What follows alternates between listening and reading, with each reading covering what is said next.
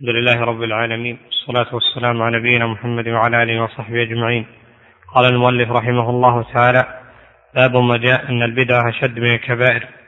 قوله عز وجل إن الله لا يغفر أن يشرك به ويغفر ما دون ذلك لمن يشاء.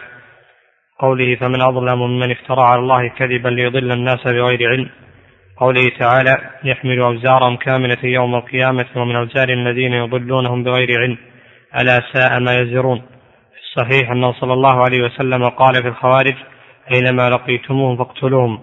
وفيه أنه نهى عن قتل أمراء الجور ما صلوا. عن جرير بن عبد الله رضي الله عنه أن رجلا تصدق بصدقة ثم تتابع الناس فقال رسول الله صلى الله عليه وسلم من سن في الإسلام سنة حسنة فله أجرها وأجر من عمل. أجرها أجرها ارفع. فله أجرها فله أجرها وأجر من عمل بها من بعده من غير ينقص من أجورهم شيء. ومن سن في الإسلام سنة سيئة كان عليه وزرها وزر من عمل بها من غير أن ينقص من أوزارهم شيء.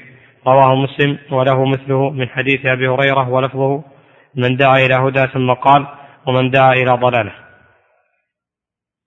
يريد الشيخ في هذه الترجمة وما اشتملته بيان قبح البدعة وأن جنس البدعة أقبح من جنس المعصية.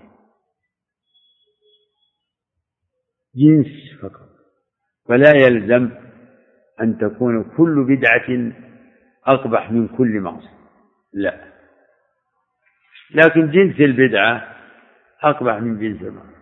والبدع فيها ما هو كفر وما هو كبيرة وما هو دون ذلك ومنها ما هو خطأ. هناك البدع الكبار كبدعة القدر نفي القدر القول بالجبر بدعة الإرجاء جهمية وبدعة يعني الرفض.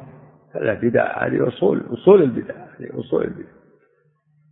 وهناك البدع الصوفية التي العملية يعني لأن البدع منها اعتقادية ومنها عملية والعملية أنواع ومراتب فيها أشياء.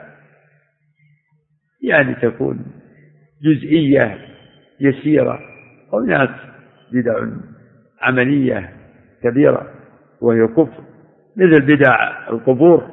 بدع القبور منها ما هو شرك ومنها ما هو دون ذلك. بدع القبور بناء المساجد على القبور. ويظهر قبح البدعة إن صاحبها يأتيها ويفعلها على إنها حسنة ويتعلق بها.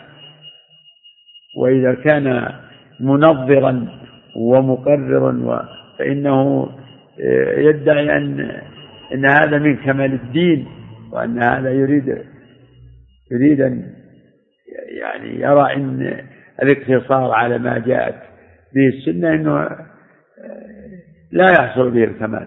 ولهذا أنكر النبي عليه الصلاة والسلام على الذين أرادوا أن يتبتلوا وأن يديموا الصيام والصلاة. والقيام وما إلى ذلك ويتركون الزواج. قال من رغب عن سنتي فليس مني.